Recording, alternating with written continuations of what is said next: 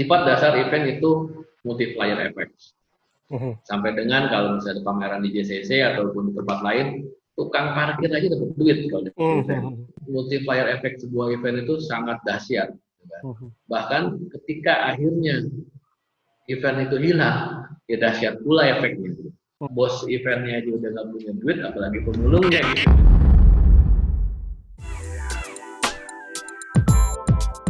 Halo semua, kita ketemu lagi di PR Talk by We. Masih tentang event, kali ini kita akan membahas lebih maju lagi mengenai strategi, bagaimana pelaksanaannya, dan penyelenggaraan event dengan adaptasi baru yang akan diberlakukan pemerintah. Sebagaimana kita tahu, PSBB sudah memasuki masa transisi yang cukup dilonggarkan.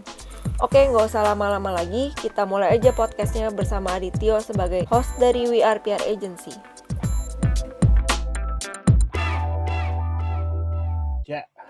We are PR, PR Talks coming back. Hello YouTube, hello podcast, hello Instagram, dan yang terakhir hello Facebook. Kita baru tes hari ini di Facebook. So uh, here we go again with another PR Talk. Sesi edisi kali ini kita masih diskusi dengan uh, pelaku bisnis di industri event organizer. Uh, kali ini gue kedatangan teman baik dari dunia event bilangnya sih Om Tahu. kalau di industri bilangnya Om Tahu, soalnya serba tahu nih. Kalau kita tanya apa aja mengenai event, mengenai eh, hal-hal kecil maupun hal-hal besar, ini Mas Ikhwan Sofwan selalu aja tahu. Jadi uh, perkenalkan, ini adalah Mas Muhammad Ikhwan Sofwan, uh, teman baik. Dulu pertama kali kenal dengan Mas Ikhwan uh, waktu gue secara pribadi kerja di salah satu travel agent uh, di Jakarta waktu itu megang eh, brand dan juga marketing communication, sering ikut acara kalau nggak salah acara Kompas Travel Fair waktu itu ya. Uh, Kompas Travel Fair ada Aistindo dan acara-acara travel fair lainnya. Nah waktu itu uh, ketemu Mas Iwan Sofan mungkin sebagai project director atau project manager di salah satu pameran tersebut. Terus akhirnya gue bergabung dengan perusahaan pameran juga di Jakarta dan uh, jodoh mempertemukan kita. Jadi kita bekerja satu kantor, kita berkolaborasi di beberapa event yang kita jalankan bersamaan. Sekarang Mas Iwan sendiri masih eksis uh, di dunia event industri, masih terus menjalankan beberapa event. Kalau dilihat sedikit profilnya, Mas Iwan ini masih tetap eksis di salah satu perusahaan uh, event organizer, ada dari Gemalindo Kreasi Indonesia, terus juga punya usaha pribadi di bidang sistem ya, uh, offline online solution untuk event Genesis ID. Jadi memang kontribusinya sangat erat di industri event, makanya nggak salah kalau Mas Iwan mendedikasikan diri. Uh, stated kalau Mas Iwan ini adalah event enthusiast di industri. Uh, Mas Iwan Sofan, thank you sudah datang di acara PR Talk hari ini um, memang sengaja kita undang karena pasti banyak insight-insight yang bisa diberikan ke teman-teman mahasiswa maupun praktisi PR yang memang sudah hadir di live Instagram maupun live Facebook kita hari ini. Halo, halo Mas Ivan. Halo, halo. Assalamualaikum warahmatullahi wabarakatuh. Waalaikumsalam warahmatullahi wabarakatuh. Selamat sore juga. Apa kabar nih Mas Ivan? Alhamdulillah sehat, alhamdulillah sehat, alhamdulillah baik. Okay. Jauh-jauh dari COVID lah, alhamdulillah. Iya betul. Jangan sampai nah, ya. Pakai masker gitu kan. aja dulu. gitu. Betul betul betul. Uh, sekarang di Gemalindo atau di Genesis lebih aktif mas? Atau dua-duanya? Uh, dua-duanya. Karena Genesis dan Gemalindo itu sekarang udah kayak one body lah gitu Oke. Okay. Jadi apa pun kebutuhan yang Gemalindo, Genesis support. Gitu. Apa pun kebutuhan Genesis, Gemalindo support. Iya iya iya. Kalau dari Gemalindonya sendiri, uh, dia lebih ke event kan ya, lebih ke uh, event organizer ya. ya. Betul. Event yang terakhir di uh, buat Genesis apa mas kalau boleh tahu? Biar gua update juga nih. Kalau untuk event offline, event offline itu terakhir kita ada Disrupto. Jadi Disrupto ini kayak, kayak semacam movement, talk show movement tentang teknologi. Jadi kalau misalnya kawan-kawan bisa main-main cari di Instagram atau di website The Disrupto, itu kita menjadi organisernya. Kemudian ada pameran Big Bad Wolf di beberapa kota.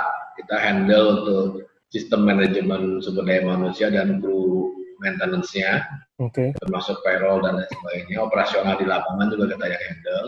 Okay. Kemudian untuk yang event-event daily-nya kita ada event-event untuk kebutuhan dari otoritas jasa keuangan.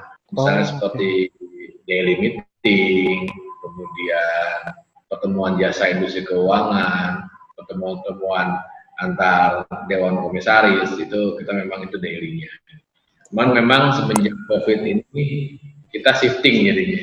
Mm -hmm. Jadi yang tadinya offline, tadinya semuanya ketemu tatap muka, kita jadi online. Nah, di sinilah kita berubah yang tadinya gemar dong ngelit Genesis, sekarang Genesis jadi ngelit Gemalindo. Oh, Genesis sendiri apa apa kalau boleh tahu? Genesis sendiri kan kepanjangan dari Gemalindo Event System. Oke. Okay. Jadi pakai I ya, bukan pakai Y. jadi dari kalau sistem kalau saya pakai Y ya, tapi kita pakai Genesis Event System. Uh -huh. Itu kita plesetkan lagi jadi global event system. Global. Jadi um, kita bergerak dari sistem registrasi sampai dengan sistem bismatch itu mungkin masih udah familiar lah bagaimana bismatch dilaksanakan. Mungkin hmm. kalau buat PMA perusahaan-perusahaan PMA kayak REIT atau apa namanya UBM atau pameran-pameran yang ada afiliasi dengan asing, bismatch yeah. itu menjadi hal yang cukup dibutuhkan dalam sebuah event B2B. Ya. Dan yang perusahaan-perusahaan Indonesia masih melihat bahwa bisnis matching itu lebih ya lebih ke bisnis forum jadinya nggak perlu hmm. pakai aplikasi-aplikasi apa-apa bisnis forum ketemu semua ya udah beres. Nah kalau yang di semenjak PME PME ini masuk ya akhirnya bisnis mulai menjamur di setiap B2B. Ya, Jadi ya. memang awalnya bergerak di bidang bisnis matching di bidang online, offline IP, O2O ya, dari offline ke online, ya akhirnya apa blessing in the sky gitu ya. Genesis bisa bertahan karena ini bisa membackup hal ini untuk event-event yang online saat ini. Iya, untungnya karena si infrastruktur uh, dari sisi digitalnya sudah ready ya, jadi tinggal ditransformasi ke sana. Nah ini sekalian tambahan informasi buat teman-teman, mungkin ada PR people yang memang uh, baru mau mengetahui industri event. Jadi semenjak industri event kita ini bergabung antara event lokal dengan event organizer luar negeri, memang benar uh, yang diinformasikan Mas Iwan kalau ada salah satu fitur yang menjamur pada masa itu sampai sekarang namanya business matching, uh, disingkat Bismatch lah. Nah, business matching itu kenapa kita kita buat di industri atau kita hadirkan menjadi salah satu service dari sebuah event? Uh, karena seperti ini, event itu memang dibangun untuk uh, menjadi wadah tempat bertemunya penjual dan pembeli, buyer and seller. Dia ketemu, uh, dia bisa negosiasi, dia bisa phishing, mendapatkan database, atau dia sekedar networking, uh, sekedar berkomunitas lah di komunitasnya. Nah, uh, business matching itu memang sebuah fitur platform atau jasa yang diberikan oleh uh, event organizer atau exhibition organizer agar bisa membantu pada saat buyernya datang dia ketemu dengan seller yang tepat di periode waktu yang singkat. Karena kita tahu event itu kan berjalannya kalau nggak dua hari, tiga hari, paling lama lima hari. Seperti itu. Jadi memang bismatch itu um, untuk membantu buyer ketemu dengan seller. Begitu juga sebaliknya, seller bertemu dengan buyer yang tepat dalam satu wadah atau rumah event uh, supaya mereka efisien uh, waktunya dalam mengunjungi event. Jadi that's why untuk beberapa event organizer yang sifatnya sudah dalam kategori internasional kali Mas ya bilangnya ya. International oh. event, dia udah mengundang uh, buyer seller dari luar negeri, terus dia expose juga uh, seller-seller lokal untuk link and match dengan buyer di luar negeri. Jadi biasanya fitur Bizmatch itu uh, sudah berlangsung. Nah, ada yeah. beberapa approach-nya, biasanya Bizmatch ada yang dilakukan secara perorangan dalam artian dibantu dengan asisten yang disediakan oleh event organizer atau dibantu dengan sistem. Nah, kalau dibantu dengan sistem pastinya lebih efisien lagi gitu. Kurang lebih seperti itu. Di perhotelan mungkin lebih familiar dengan sistem tabletop ya, tapi kita ada sistem ruangan yang private. Karena sometimes visitor atau buyers itu nggak mau ketemu dengan kompetitornya. Makanya, jadi saya ada jadwal, jadwal meeting misalnya hari ini saya ketemu A, setelah itu kita saya ketemu B yang merupakan kompetitornya A itu mereka agak gariskan dulu males deh kalau ketemu. Nah kalau di tabletop kan pasti akan ketemu karena tinggal pindah meja tinggal pindah meja. Nah, kalau di bisnis ini kita siapkan ruangan khusus yang tertutup yang yang tahu mengisi ruangan itu ya hanya orang itu dan buyers dan sellernya aja. Nah, itu untuk uh, eh, B2B event sangat penting karena uh, pada saat penyelenggara menyelenggarakan event B2B pastinya ada ekspektasi yang dijaga nih antar masing-masing si eksibitor supaya tidak ada informasi yang salah, terus penyebaran informasi ke sesama kompetitor dan lain sebagainya. Karena pada saat kita ngundang visitor di sebuah event B2B, uh, akan ada kemungkinan kalau visitor yang kita undang adalah klien dari kompetitor brand tersebut. Makanya fitur Bismet sangat dibutuhkan untuk uh, teman-teman B2B. Nah, kita kembali ke kondisi saat ini, Mas. Kebetulan kemarin gue ikut meeting Asprapi. Mas Iwan juga di sana uh, member dari Asprapi, Asosiasi uh, Perusahaan Pameran di Indonesia, if I'm not mistaken, betul ya. Nah, uh, Mas Iwan member di Asprapi, kita tahu kalau sekarang ya industri event lagi carut marut lah dalam bahasa bahasa awamnya lagi ya nggak ada event sama sekali. Ada event virtual, event online, tapi mostly gue lihat lebih ke conference. Bukan dalam bentuk pertemuan antara buyer, buyer meeting with seller. Berarti Bizmatch pun sekarang mungkin belum ya, belum ada uh, fitur Bizmatch yang bisa kepake di uh, virtual event yang sudah berlangsung. Nah, dari sisi pelaku bisnis, pandangan pribadi tentang kondisi saat ini di dunia event itu gimana, Mas? Kira-kira? Oke, okay. Uh, sebelumnya kita bagi dua kategori dulu ya. Kalau saya lebih sedang mengkategorikan industri event menjadi dua. Satu industri event yang sifatnya bisnis, yang kedua sifatnya laser, kesenangan hiburan ya, laser, laser ya, ya iyalah, kayak gitu uh, yang bisnis itu memang cukup cukup terasa efeknya okay. karena khususnya pameran. Nah, unsur utama dalam pameran itu adalah experience sama excitement yang dia dapatkan pada saat kita menyentuh melihat secara langsung barang apa yang dipamerkan. Oke. Okay. Apakah baik barang demo atau barangnya mock up-nya atau mungkin yang barang langsung barang aslinya. Itu yang mungkin akan sangat hilang di pameran ini. Tapi kalau untuk bisnis sebenarnya untuk yang mismatch di pameran itu kita bisa transisikan ke dalam ke, ke dalam webinar atau dalam meeting-meeting online. Sekarang alhamdulillah si Zoom udah punya breakout class gitu. Itu bisa kita ya. pakai for meeting yang serentak tanpa harus tahu siapa ketemu siapa. Oh, ya. Itu yang bisa kita manfaatkan aja. Kita memang memanfaatkan sepenuhnya fitur-fitur dari si Zoom ini gitu kan. Ya walaupun memang fiturnya belum sempurna, tapi kita coba masking, kita siapkan berbagai admin yang bisa kita manfaatkan. Kemudian untuk yang laser, yang laser tentu saja ini yang paling terpukul karena semua jenis hiburan, hiburan itu kan ter laser pasti tertier ya maksudnya. Oh. Tertier, eh, sandang pangan papan itu pasti kita utamakan yang tertier ya kan. Pasti akan kena imbasnya luar. Jadi bisnis seperti konser, seperti pertunjukan, itu memang cukup terpukul. Dan akhirnya orang bekerja keras bagaimana kita ber, bisa bertahan. Ya. Ada satu pelaku industri yang saya tahu dalam beberapa saat ini akan bikin nonton bareng. Oke. Okay. Drive-in theater. Ya itu gue gue follow terus tuh mas. Cuman nggak nggak ada informasi lebih lanjut kapan ini bisa dijalanin tuh drive drive in uh, theater. Di luar mungkin udah pernah jalan ya, termasuk uh, wisuda online, drive-in wisuda. Jadi wisudanya kita pakai di apa sirkuit balap, kan seru ya. Oke. Okay, Karena pada flag start finishnya itu sebagai area buat bahwa ini sudah lulus, bukan ini. rektor, dosen itu ada di area start finishnya dan di wisuda di sana. Dan lebih seru lagi sekarang Genesis itu insya Allah di Agustus dapat hmm, request untuk bikin wedding online. Hmm, interesting. Termasuk termasuk resepsinya. Oke. Okay. Resepsi wedding. Kalau wedding aja kan mungkin eh, akad nikahnya bisa ya itu. Betul. Kita bisa tapi resepsi online yang kita buat. Jadi bagaimana orang datang ngasih angpau gitu kan. Tapi itu yang penting. Orangnya.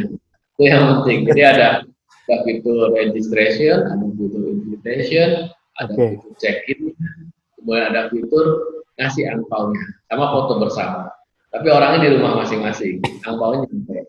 Itu, itu lagi lagi kita siapkan. Yeah. Insya Allah di Agustus awal itu klien kita yang pertama sudah ada. ekososial Oh. siapkan. Ini ini keren. Kemarin dari beberapa kali workshop sama Asperapi Hmm. ataupun sama Evendo. Ya. Mungkin teman-teman yang belum mengenal Evendo, Evendo itu adalah Event Organizer Bureau. Itu eh, asosiasi baru yang baru berdiri dua tahun yang membawahi beberapa IOIO dan vendor-vendor di bawah yang ada di Indonesia, seluruh Indonesia. Asperapi itu untuk pameran, convention, dan beberapa IO juga bisa masuk. Jadi kita berada di asosiasi tersebut dan alhamdulillah eh, kita bisa mengambil manfaatnya karena kan networking selalu ada aja di mana kita berada. Itu harus Benar. Benar, Makanya jadi tahu. Jadi tahu ya benar. Kan? Punya teman lebih banyak lebih seru lah. Nah, keterpurukan terhadap COVID-19 itu memang sangat terasa. Sangat terasanya adalah pada saat eh, event-event yang berskala besar itu harus dipospon. Ya. Yang paling besar mungkin di awal tahun ini cukup banyak. Sebutlah, boleh sebut brand kan ya? Eh, Boleh. almarhum lama saya di Andra Promosi itu Mm-mm. sudah kehilangan hampir empat event besar di Ya. awal. Ada Ya. ada pameran wedding, dia postpone, Hmm. dan ada pameran otomotif Indonesia International Motor Show yang kebetulan lagi naik-naik daun karena COVID gitu kan. Kemudian eh, ada pameran-pameran yang inakrab yang Ya. biasanya di April itu dipospon ke Agustus atau September ini. Mudah-mudahan sih protapnya sudah ada. Jadi eh, kapan sih harus mulai? Itu kebanyakan sih yang bertanya gitu. Kapan harus bagaimana gitu kan. Ya. Di setiap bahasan selalu narasumber atau para panelis atau bahkan para peserta selalu bertanya, Mhm. Pak, kapan sih pameran akan mulai lagi? Ya. Ya, jawabannya gue selalu belum ada obatnya, COVID ini ya belum bisa mulai gitu. Hmm. Tapi kalau kita menunggu itu terus ya, ya kita akan jauh lebih terpuruk lagi ekonomi kita. Gitu. Setuju. Kalau masalah hidup mati itu Allah yang menentukan ya. Ya. Tapi katanya harus bagaimana sih gitu? Kalau kita harus diem aja atau kayak gimana? Insya Allah rencananya asosiasi pameran akan mencoba membuat satu buah pameran prototype Mhm. jadi pameran yang diselenggarakan dengan SOP COVID-19 Oke. dalam waktu dekat. Jadi ini akan jadi prototipe. Mudah-mudahan tidak menjadi klaster baru gitu kan. Dan Prototipe yang ketat, bentuk bootnya, jarak-jarak bootnya, cara orang masuk ke bootnya, sampai dengan cara mulai dari orang masuk ke gedung, gedung-gedung sampai di keluar sampai transaksi itu sedang kita siapkan. Iya. Jadi kalau misalnya ini berhasil, kemudian pemerintah juga setuju dengan protap yang sesuai dengan anjuran pemerintah dan WHO, insya Allah ini akan menjadi eh, new normal ya. Kita nyebutnya new normalize ya. Yes. Kalau teman-teman buat bilangnya new normalize gitu ya. Jadi mais gaya baru, bagaimana kita menerapkan protap COVID dalam industri maya, khususnya pameran. Kalau conference mungkin solusinya udah ada gitu, dengan Ya. webinar, gitu kan. dengan Zoom meeting atau dengan meeting-meeting online. Bahkan untuk offline pun masih bisa dijalankan dengan cara eh, social distancing, tempat Hmm. duduknya yang jauh-jauh, gitu kan. seperti para wakil rakyat kita kalau rapat kan, kalau sidang tempat duduknya jauh-jauh. Ya, betul. itu masih masih bisa. Tapi kalau pameran kan agak sulit. Pameran, bioskop mungkin agak sulit. Yang laser yang susah lah. laser. Tapi sekarang kan lagi pelan-pelan kita coba. Mudah-mudahan eh, kalau misalnya prototipe expo ini sudah bisa kita jalankan dan bisa berhasil tanpa efek yang negatif yang cukup besar, insya Allah industri kita akan bisa. Kalau dari informasi yang Mas tahu, prototipe ini bakal jalan di semester 2 ini atau semester 1 tahun depan, Mas? Eh, rencananya kita pengen secepatnya di Agustus atau September lah. Oke. Tapi kita lagi tes dengan beberapa pihak terkait ya, khususnya Kementerian Kesehatan. Oke. Apalagi dengan regulasi PSBB dan PSBL ini yang eh, Iya.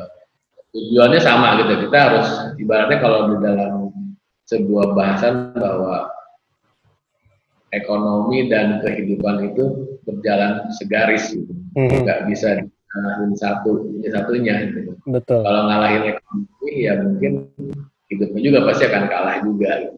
Jadi Iya. ini harus jalan sama-sama, tapi dengan protokol yang paling baik, yang paling aman. COVID ini memang berdamainya dengan COVID itu bukan berarti kita mengalah gitu. Iya, betul. Melawan COVID pun bukan kita berarti anarki gitu. Tapi kita bagaimana bisa menjadikan sebuah masalah menjadi sebuah peluang gitu. Hmm. dalam hal ini kita tidak boleh tinggal diam saja. Kita tetap melakukan protapnya, tapi tanpa mengorbankan unsur-unsur kehidupan kita. Karena ketika kita memikirkan ekonomi, ya jangan sampai kehidupan kita juga hilang. Karena kita saking takutnya, ya kita jadi nggak mau nyari nafkah, mati juga. Iya, mati juga. Dompet nggak keisi. Dapur nggak ngebul, Mas. Karena saya yakin semangat hijrah itu sudah banyak, gitu kan. Tapi masih saya yakin di atas 80% masyarakat Indonesia, khususnya para pelaku event, masih terlilit hutang ya. Pada saat kita tidak ada pemasukan sama sekali, kita pasti akan terus dikejar-kejar oleh para para debit, para kreditor-kreditor. Kreditor ya. Bagaimana kita bisa hidup dari situ? Kita bisa mempertahankan diri, kita yeah. bisa terus bertahan tanpa harus mengorbankan kehidupan kita. Iya. Ya, se sejujurnya dari uh, kita sendiri di WRPR juga berharap kalau PSBB ini nggak ada kelanjutannya, Mas. Jangan sampai nanti setelah PSBB, ya sekarang ada PSBL, terus nanti ada PSBT lagi, yang terbatas.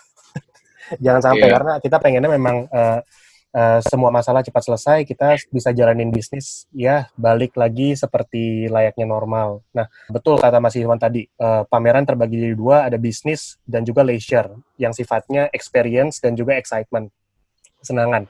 Kalau yang bisnis ya pasti aman semuanya, semuanya virtual, online sebagai sebagainya bisa dilakukan lah.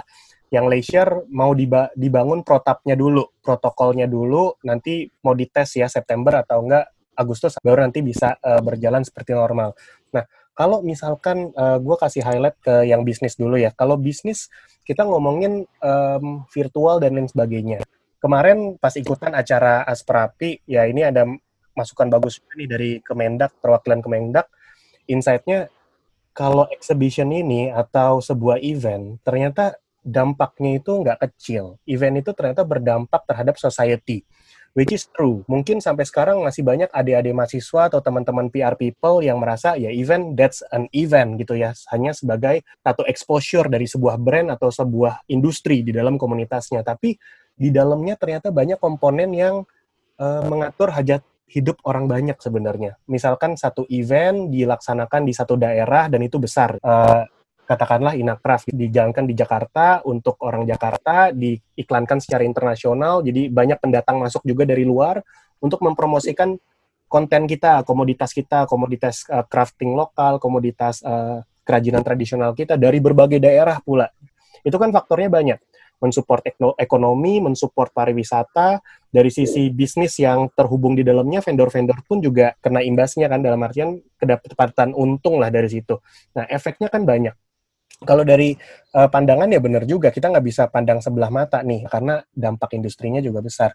Nah, kalau dari Mas Ivan, kalau ke depannya terus-terusan uh, event ini berjalan secara virtual gitu ya, atau lebih condongnya ke virtual event gitu ya, akan ada dampak apa nggak sih Mas yang terlihat yang benar-benar ter terasa untuk uh, society secara luas, terlepas dari si penyelenggara eventnya itu sendiri? Oke. Okay sifat dasar event itu multiplier effect. Uh-huh. Benar seperti Mas Yo bilang, multiplier effect sebuah event pada saat event menjamur itu banyak yang terasa sejahteranya. Sampai dengan kalau misalnya pameran di JCC ataupun di tempat lain, tukang parkir aja dapat duit kalau. Bahkan eh, apa Pak Ogah tukang muterin puter balik tuh balik itu jadi, jadi banyak duitnya gitu kan kalau ada event gitu kan. jadi memang multiplier efek sebuah event itu sangat dahsyat gitu kan. bahkan ketika akhirnya event itu hilang ya dahsyat pula efeknya uh-huh. kayak kalau Mas Tio ke ICE mungkin pernah dengar istilah Starling mm-hmm. Starbucks Brewing gitu yeah. kan mm-hmm. yang Bener. banyak pada saat setup event berlangsung. Yes. Para next sepeda jualan kopi itu hall 1 sampai hall 10 pinggir jalan tukang Starling semua. Mereka bayarin uh, bayarnya mereka tuh kru-kru yang kehausan tukang-tukang yang cari minum yang jauh gitu kan. Itu mereka dapat imbasnya gitu. Tapi ketika nggak ada event, kasihan mereka. Nggak ada jabah, bahkan sampai pemulung hmm. yang paling ini pemulung selesai event itu kayak dapat surga dia hmm. bongkaran but itu mereka yeah. buang mereka Michael mereka ambil wah saya dapat rezeki banyak nih lebaran ya sudah selesai event itu semakin banyak event buat pemulung semakin banyak lebarannya hmm. dan ketika event yang ada nggak cuma bahkan bos eventnya aja udah nggak punya duit apalagi pemulungnya gitu kan Betul. jadi memang multiplier efek sebuah event itu cukup dahsyat ya.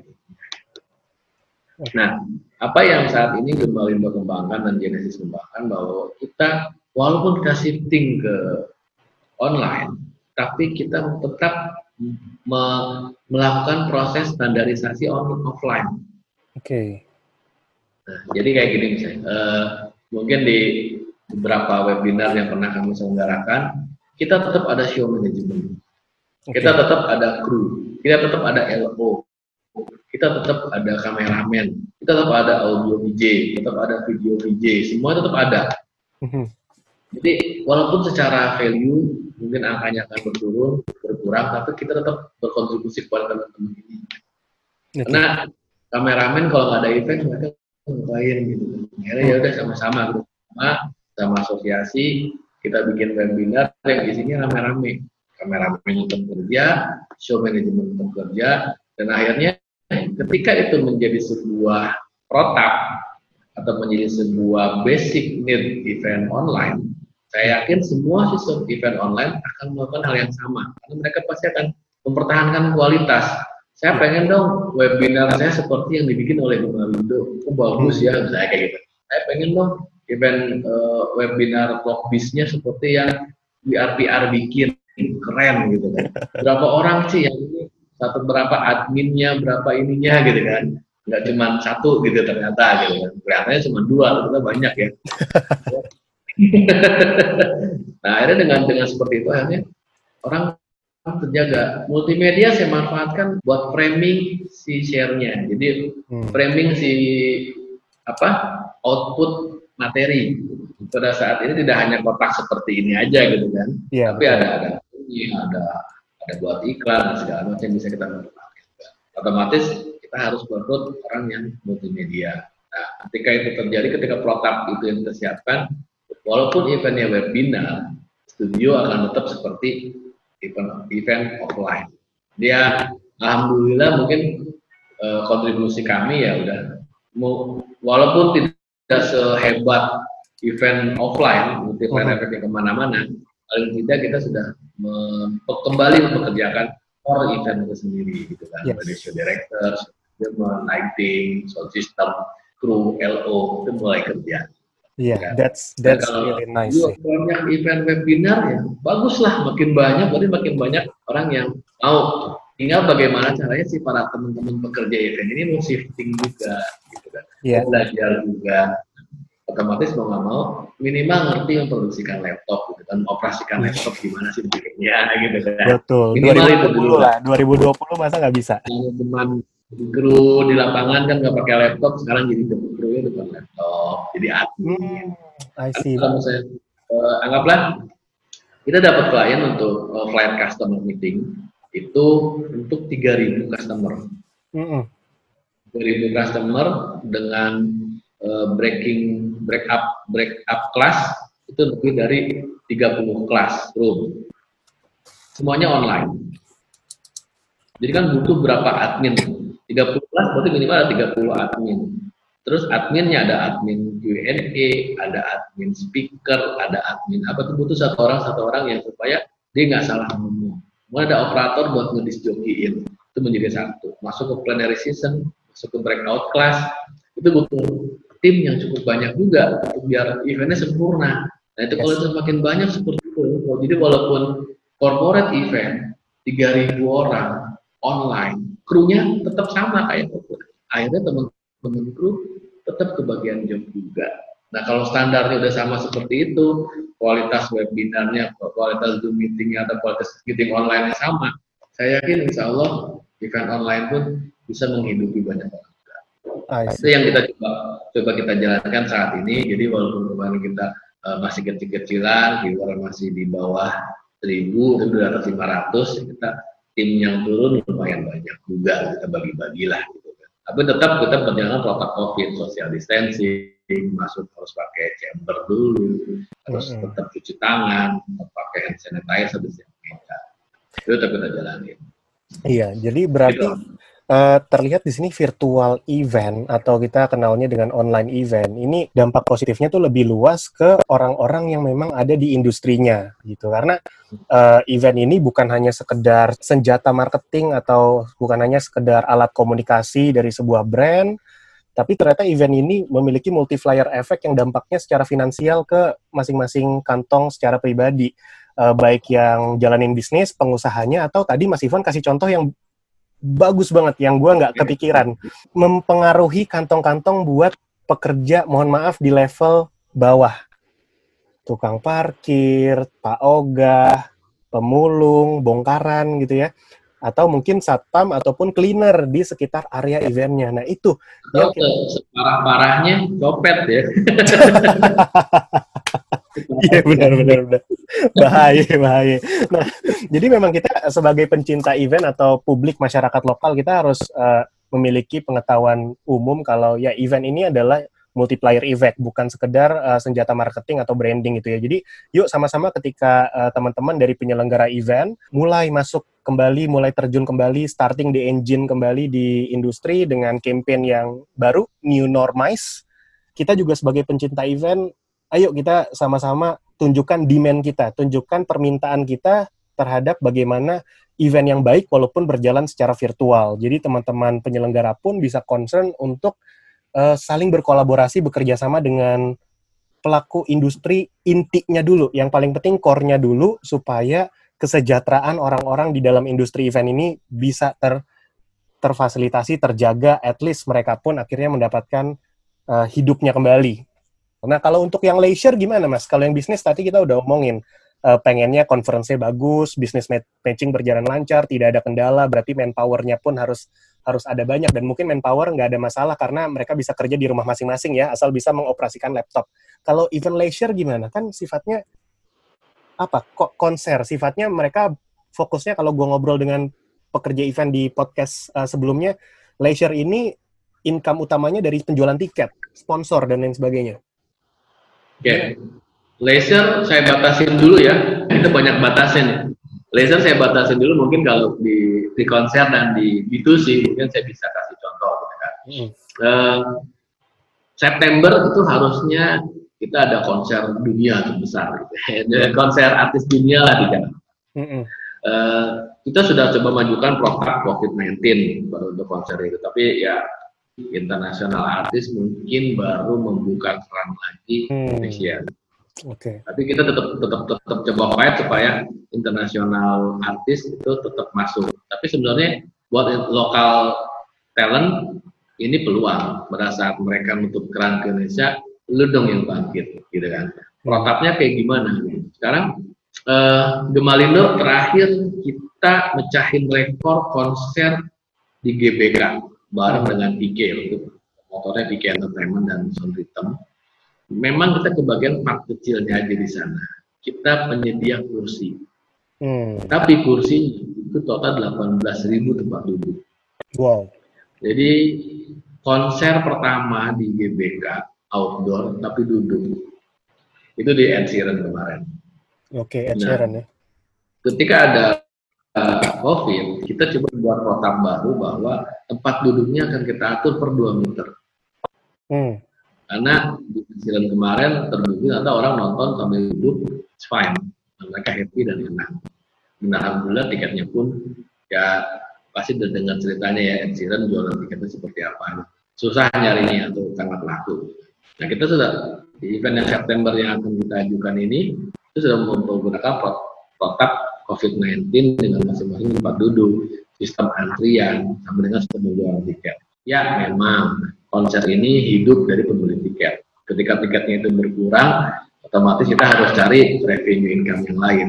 Apakah dari sponsorship atau dari branding-branding yang lain yang memang harus kita perhatikan di sana. Kalau talent itu bagus, orang ngangenin, berapapun harganya pasti akan lebih Tapi kalau talentnya nggak mau, walaupun murah ya konsernya akan bisa jangan ada uh, kemarin di training dengan Evendo kita berbicara dengan salah satu pakar stage management itu Mbak Inet, ada, ada Resa Lesmana, ada juga Mas Hari, pakar showbiz yang lumayan sangat top di Indonesia Mbak Inet dan Mas Reza ini. Mereka juga sangat sangat paham bagaimana atau sangat sangat tahu, sangat butuh, sangat ingin, sangat kangen. Ya. Mm -hmm. Ini yang sedang kita susun, event juga sedang susun, kementerian kita sedang susun, bahkan mungkin akan coba buat prototipe di konser, tapi kita masih menunggu hasilnya seperti apa. Jadi misalnya nih pada ya sama seperti pameran tadi saya sampaikan, masuknya kita atur antriannya, kemudian yang pasti kalau yang paling mudah karena Gemalido spesialis kursi dikenalnya untuk media konser, gitu kita siapkan kursi per dua dan e, prototipe konser outdoor duduk sudah pernah. Gitu. Tapi mungkin untuk konser-konser Korea agak susah ya dengan yang pengen. Ah, tapi ya duduknya ya joget tapi duduk oh itu joget Pasti, kayak di Jepang tuh mas konser-konser musik Jepang begini-begini doang duduk semua iya kayak gitu itu mungkin bisa dari salah, salah satu solusinya tinggal uh, siapa yang akan berani memulai uh, itu kita yeah. Masih tunggu prototipe prototipe yang sudah dijalankan yeah. itu sih laser ya itu ya salah satu solusi tadi adalah kalau untuk yang nonton ya pakai drive thru gitu. Hmm. Bioskop bisa pakai dengan drive thru, memanfaatkan stadion-stadion, dengan memanfaatkan lapangan-lapangan. Oke, okay. berarti ini akan lebih banyak merubah paradigma um, branding, marketing dari sebuah event. Kalau di tahun lalu kita selalu selalu uh, paradigmanya event yang foto-fotonya rame, event yang crowded, event yang bombastis, itu pasti eventnya sukses, eventnya bagus. Tapi sepertinya kalau kita ambil sudut pandang marketing dan uh, public relation, after COVID-19, after new normalize, fokus yang bisa kita nilai dari sebuah event yang sukses itu bukan lagi dari foto-foto keramaiannya, tapi yeah. seberapa besar event itu bisa membawa value kepada komunitas dan meningkatkan dari sisi fiskal di daerahnya. Yeah Mungkin seperti itu ya. Kayak simple aja kayak wifi. Wifi ya gitu. Kalau habis event gue ngumpul semua selfie bareng-bareng gitu. Ketika diposting bukannya orang like ya, malah ah gitu bahaya gitu. Dulu ketika kita foto rame-rame banyak orang semuanya kasih like gitu kan. Iya. Yeah. Sekarang foto rame-rame semuanya ngasih kasih bahaya gitu kan. Foto sendiri atau mungkin foto berdua sama artis jauh-jauhan gitu gini bareng mungkin lognya akan jauh lebih banyak kalau sekarang. Iya benar benar benar. Nah itu dia. Jadi memang ini buat teman-teman yang event marketer karena PR people yang selalu dengerin PR talk ini ada dari kalangan event marketing, uh, ada dari teman-teman communication di exhibition organizer. Ya paradigmanya harus berubah total nih. Bahkan bisa dibilang 360 derajat. Kita bukan lagi mengiklankan crowded, mengiklankan uh, keramaian, um, exposure yang sifatnya, wow foto-foto rame biasanya karena kalau kita kunjungin ke website-website event, pasti muncul pertama di topiknya itu dulu mas, crowdednya dulu. Semakin crowded, event terlihat semakin sukses gitu kan. Tapi setelah setelah ini semakin crowded yang kalian kasih lihat, semakin nggak respect masyarakat. Takutnya merasa event kalian akan menjadi spike baru atau menjadi uh, satu sumber baru peningkatan COVID-19. Jadi perlu berhati-hati buat teman-teman event marketing, gaya komunikasinya, gaya publikasinya, dan pemilihan foto serta copywriting itu menentukan banget di branding event kalian di tahun-tahun ke depan. Uh, fokus ke value apa yang pengen kalian berikan ke komunitas, khususnya buat ke masyarakat event yang uh, cinta dengan event kalian. Untuk paling hangat kan ada dua ya, Mas Tio. Ya. Foto yang hangat banget pada saat satu gerai makanan yang akan ditutup, uh -huh. mungkin niatnya bagus gitu kan. Uh -huh. Kita ingat sama-sama, tapi efeknya ternyata jelek -huh. banget. Terus satu lagi salah satu orang kepala daerah yang pada saat kunjungan mereka foto posting akhirnya bukannya dapat sambutan hangat dari warganya malah jadi cacian gitu kan. Jadi pada sekarang ini ya foto atau WFIF dengan mengumpulkan banyak orang tanpa protap yang baik, protap COVID, bukannya jadi begini. Jadi begini, semuanya begini. Bukannya thumbs up, malah thumbs down. Betul. Oke, Mas, untuk menutup sesi pertama, uh, eh, gue ada pertanyaan terakhir. Pandangan pribadi Mas Ivan untuk uh, gaya penyelenggara event ke depannya pasti mesti berubah, baik dari sisi operasional, marketing, maupun handling pada saat onsite uh, kira-kira dari sekarang buat teman-teman pelaku industri event ada hal-hal apa saja yang harus dipersiapkan mereka? Yang pertama, tetap selalu update info dari government. Yang pasti, apa yang harus kita lakukan, kita harus patuhi eh, regulasi dari government. Kemudian yang kedua, protap-protap standar seperti jaga jarak, cuci tangan, pakai masker, kita harus jalankan. Dan yang ketiga, tetap kreatif, cari cara yang sebaik-baiknya bagaimana kita bisa melewati ini. Kita cari yang terbaik supaya kita bisa menjalankan semua protap dengan baik. Yes. Yes, so uh, follow the government rule and regulation. After that, selalu uh, update dengan protap-protap apa pun yang diterapkan oleh government, update inventory kalian terkait dengan protap-protap yang harus disediakan pada saat event berlangsung. To be creative is a must. Uh, jangan sampai kalian out creativity-nya supaya nanti event kalian tetap tetap hadir menjadi salah satu solusi yang terbaik di masyarakat. Dan yang paling penting perlu diingat, event ini bukan sekedar marketing communication tools dan marketing communication tools bukan sekedar menyelenggarakan sebuah event. Tapi event dampaknya lebih luas, multiplier effect untuk semua orang yang terlibat di dalamnya, baik kalangan bos-bos besar, para penyelenggara, para pemilik brand, para pemilik produk dan service, dan yang paling terkena imbasnya adalah teman-teman kita yang memang tulus bekerja di industri event sebagai kontraktor, builder, satpam, tukang parkir, cleaner, dan lain sebagainya. So, termasuk SPG juga. Ingat, event itu banyak banget penggunaan SPG-nya. So, ribuan orang, bahkan puluhan ribu orang yang terkena dampaknya apabila satu event besar berhenti. Jadi buat kita para pencinta event, terus tetap dukung industri event di Indonesia. Gunakan hashtag new normize ketika kalian posting tentang event-event yang kalian suka di tahun-tahun sebelumnya. So, we are PR, PR Talk, we be back in the segmen 2. Kita akan cerita tentang Mas Ikhwan lebih dalam lagi di segmen 2. Jadi, please stay tune. Untuk teman-teman di YouTube dan juga di Spotify, please follow Instagram We Are PR Network dan We Are PR Community untuk info-info lengkap mengenai public relations dan marketing. Uh, selalu tanya ke kita tentang apa pun yang kalian ingin tahu tentang public relations dan marketing. Kita akan jawab DM Instagram setiap hari. Jadi tetap berkomunikasi, tetap berkomunitas, karena pertanyaan kalian ada energi buat tim We Are PR. Terima kasih untuk teman-teman yang sudah mendengarkan PR Talk, terutama untuk teman-teman dari kita mahasiswa ID, Ekono Channel, dan Info Event. Nah, kita juga mau infoin untuk acara Communication Avenue 2020 by Himsikom UPH dari tanggal 24 sampai 28 Agustus 2020. Ada 5 kategori kompetisi. Untuk detailsnya bisa cek aja ke akun IG at UPH dan juga at Community.